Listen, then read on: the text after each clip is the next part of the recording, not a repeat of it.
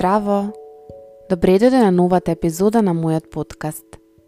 Ова е една од оние епизоди кои што настануваат спонтано, а бев инспирирана од некои настани кои што се случија неодамна и размислив колку е важно всушност што повеќе да се зборува токму на оваа тема, а тоа е тема која што ни е блиска на сите нас, која што е доста деликатна затоа што е тема која што е блиску до домот, односно до родителството, до нашите деца и до нас самите.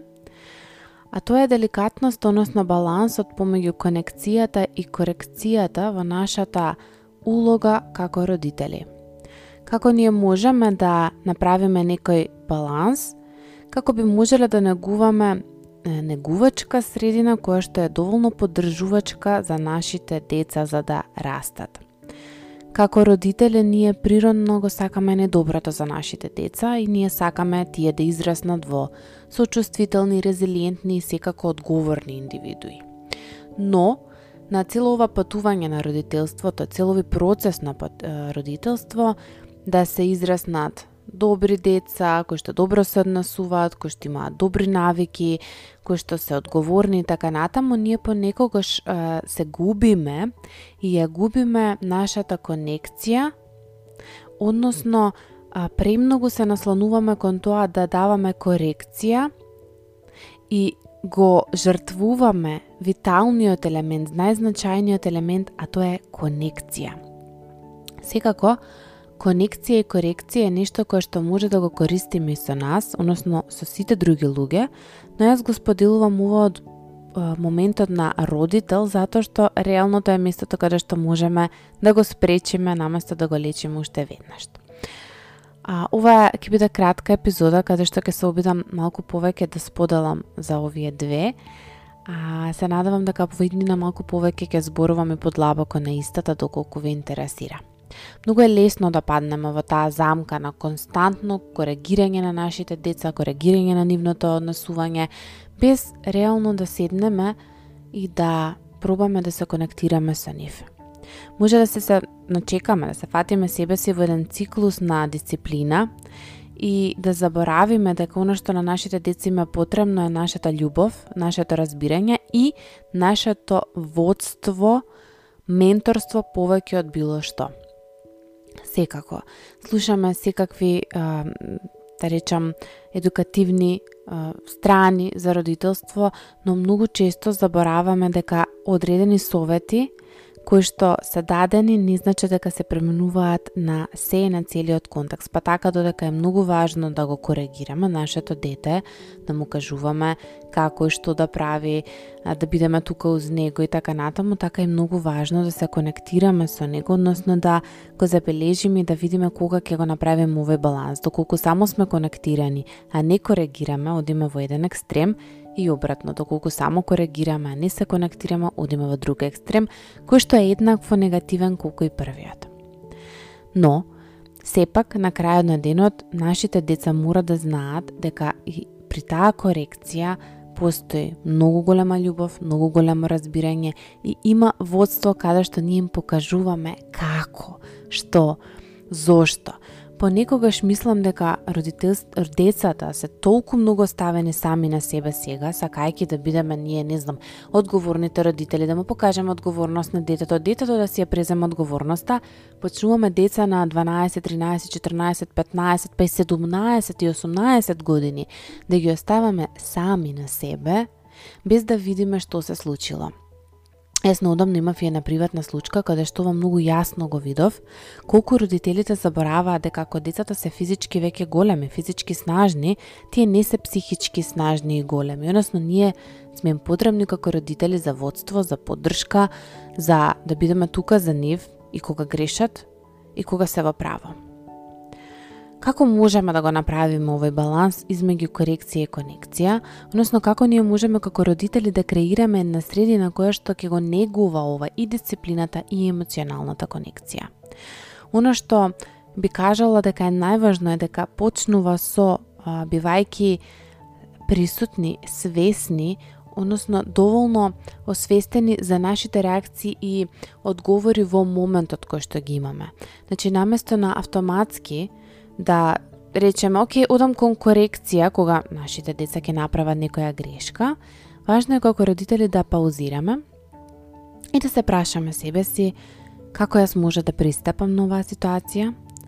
како можам да се справам со истава ситуација и секако како можам да ги задржам двете без да го пропуштам главниот проблем, односно главната тема, значи како можам јас да останам конектирана без детето да го свати тоа како па не е ништо, туку да свати дека станува збор за нешто кое што е важно и да се коригира. Кога ние сме свесни, кога ние си даваме пауза и размислуваме, дефинитивно не реагираме веднаш, туку даваме соодветен одговор на ситуацијата. Иако понекогаш, не понекогаш, него многу често на реакцијата природно ни доаѓа и е тука, кога станува збор за родителство,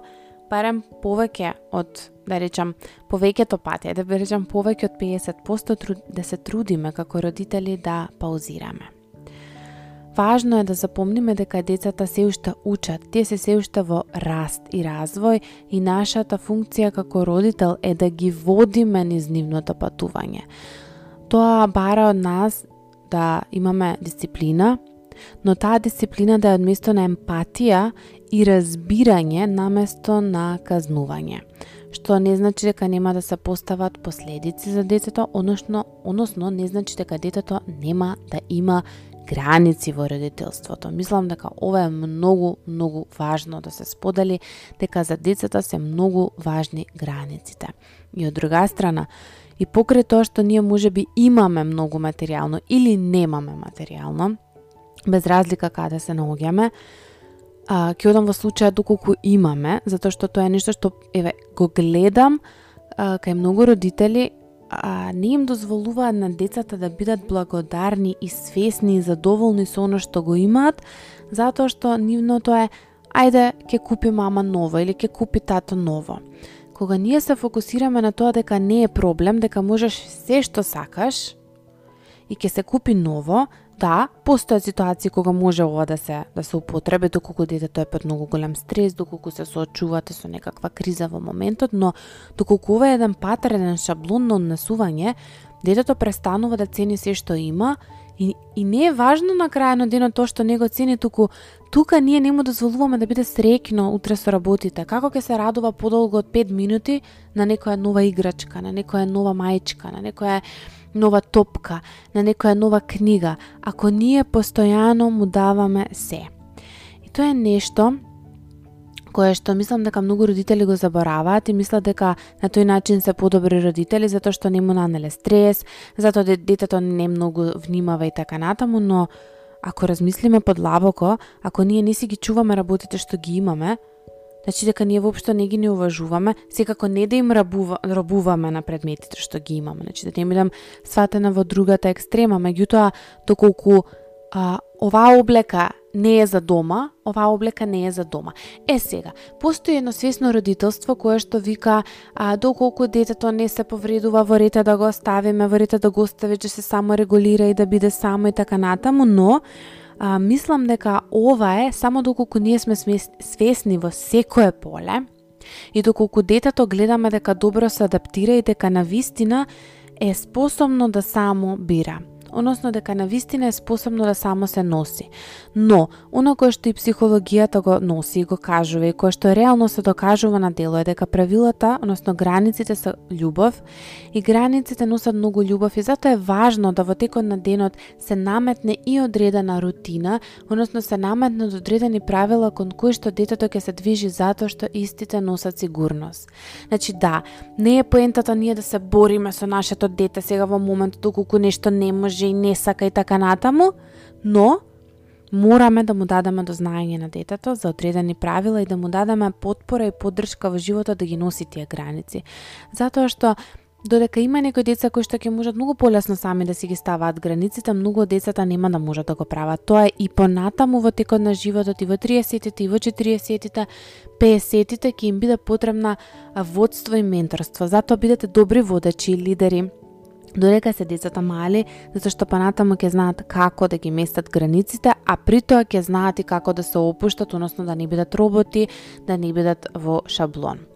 важно е да запомниме повторно ќе повторам дека нашите деца растат, дека се само неколку години на овој во овој свет, дека ние сме а, многу повеќе од нив тука и повторно грешиме, не знаеме како да се сногеме со се, а не пак тие кои што се толку многу кратко на овој свет и дефинитивно има потребно многу време и да разберат и да сватат. Конекцијата со нашите деца значи дека а, ние ќе си дадеме доволно време, односно ќе земеме доволно време да ги слушаме, да ја слушнеме нивната перспектива, да ги уважиме нивните емоции и да го валидираме нивното искуство. Затоа што кога ние им покажуваме дека ние го цениме и го уважуваме она кое што тие го мислат, тие го чувствуваат, тие го гледаат, тие го слушаат, тоа е нешто кое што ја зајакнува таа врска која што имаме со нив. Да, многу често кога сме преплавени, не можеме да се носиме и со нивната преплавеност, но само останете свесни дека возрастните ние не можеме да се да се конектираме сами со себе, а не пак децата. Или пак кога ги гледамо ние ригидни, ригорозни родителски ам, стилови кои што одат кон многу голема одговорност што од многу мала возраст си помислувам па ние возрастни се плашиме и не сакаме да бидеме сами дома. Ние возрастни сакаме да спиеме заедно со партнерот, да има кој кој да диши до тебе, кој да те гушне, кој да те поддржи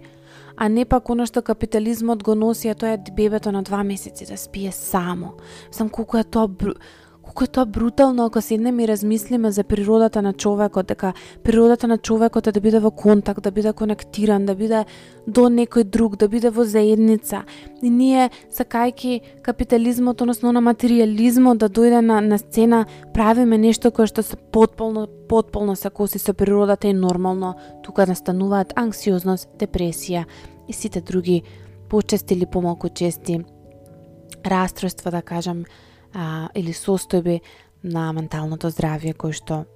не се толку нормално пожелни. Кога ние ставаме приоритет на конекцијата, ние креираме место каде што може отворено да комуницираме со нашите деца и каде што почнуваме да создаваме на подлога и доверба.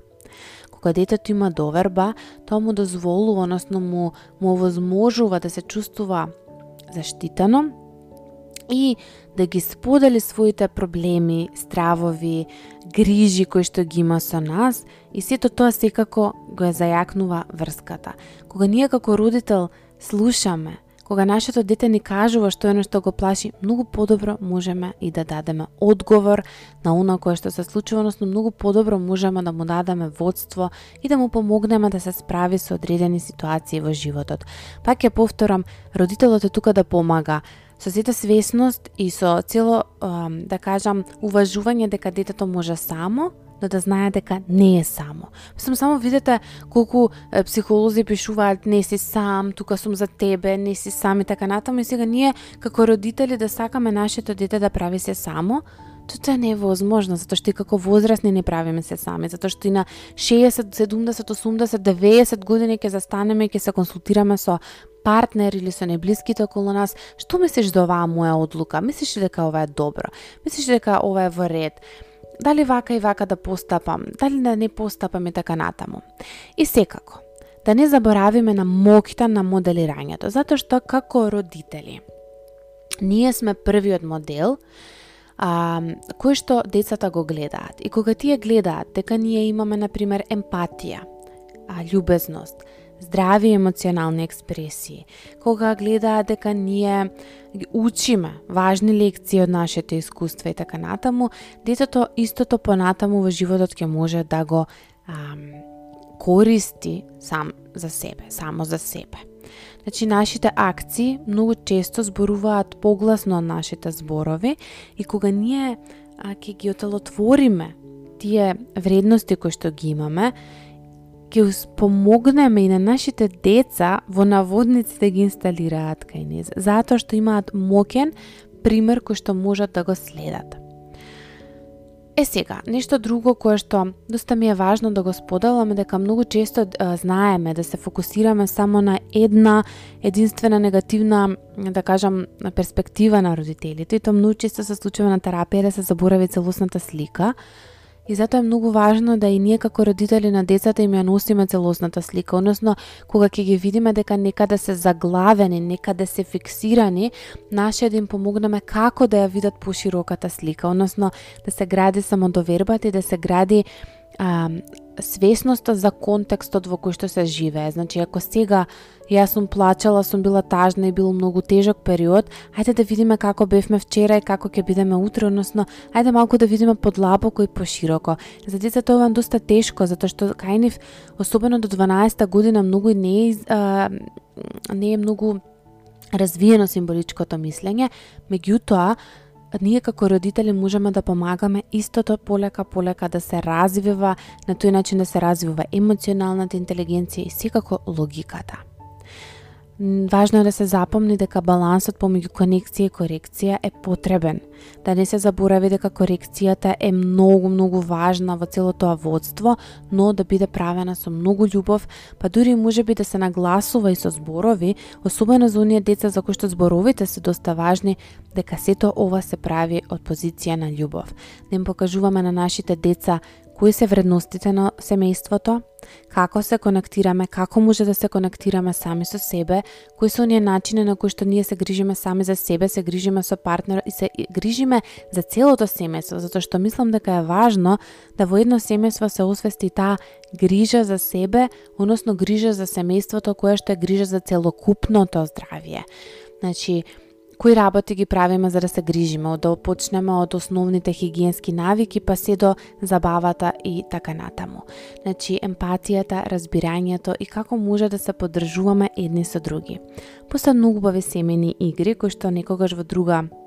епизода ќе ги споделувам можеби или на мојот профил ќе споделувам идеи како да се конектирате повеќе со семејството. Затоа што родителството е еден процес, едно патување на, на раст и развој, на грешки, на, на учење од грешките и така натаму. Затоа тука е многу важно само да се отвориме, да примиме, да имаме отворено срце за да можеме да креираме една значајна конекција со децата и да некако го важиме дека ова е еден убав танц на конекција и корекција и дека тука нема јасна граница. Кога танцуваат двајца, не постои јасна граница, ева ова до тука ќе биде, туку тоа е нешто кое што зависи од контекстот, од моментот. И затоа е важно ни првиот чекор што го споделив, а тоа е да застанеме, да бидеме присутни и свесни и да видиме како во овој момент или што е оно што е најпаметно во овој момент за јас да го направам. Запомнете исто така дека не е потребата да бидеме совршени или секогаш да бидеме во право, затоа што и во самото родителство правиме грешки, но оно кое што е важно е да им кажеме на децата кога нешто не било окей, кога сметаме дека сме претерале, затоа што тоа ќе им дозволи нив да се справуваат понатаму со грешките. Ес тука би завршила и би сакала само да а, споделам и како за ова епизода, така и за сите епизоди дека она кое што го споделувам и моето мислење е нешто кое што е само за едукативни и информацијски а, потреби. Ве молам да се консултирате со професионалец доколку се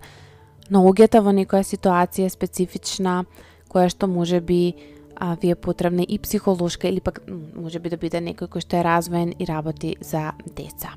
Затоа ве молам бидете внимателни, секогаш примете ги работите со филтер. Ова е нешто кое што некако во наредниот период би сакала да го ставам акцент, да го споделувам и во повеќето веројатно епизоди или места каде што пишувам затоа што станувам свесна дека конзуматорите се помалку имаат филтер што и како следат. Уште еднаш ќе ви кажам, запомнете дека ова е само информација, дека ова е само за едукативна потреба, доколку се сочувате со некој проблем, побарајте стручна помош индивидуално, а ова само може да ви послужи како поддршка, мотивација, освестување и една подлога за почеток на вашето патување на раст и развој. Ви благодарам што бевте тука, се слушаме во наредната епизода.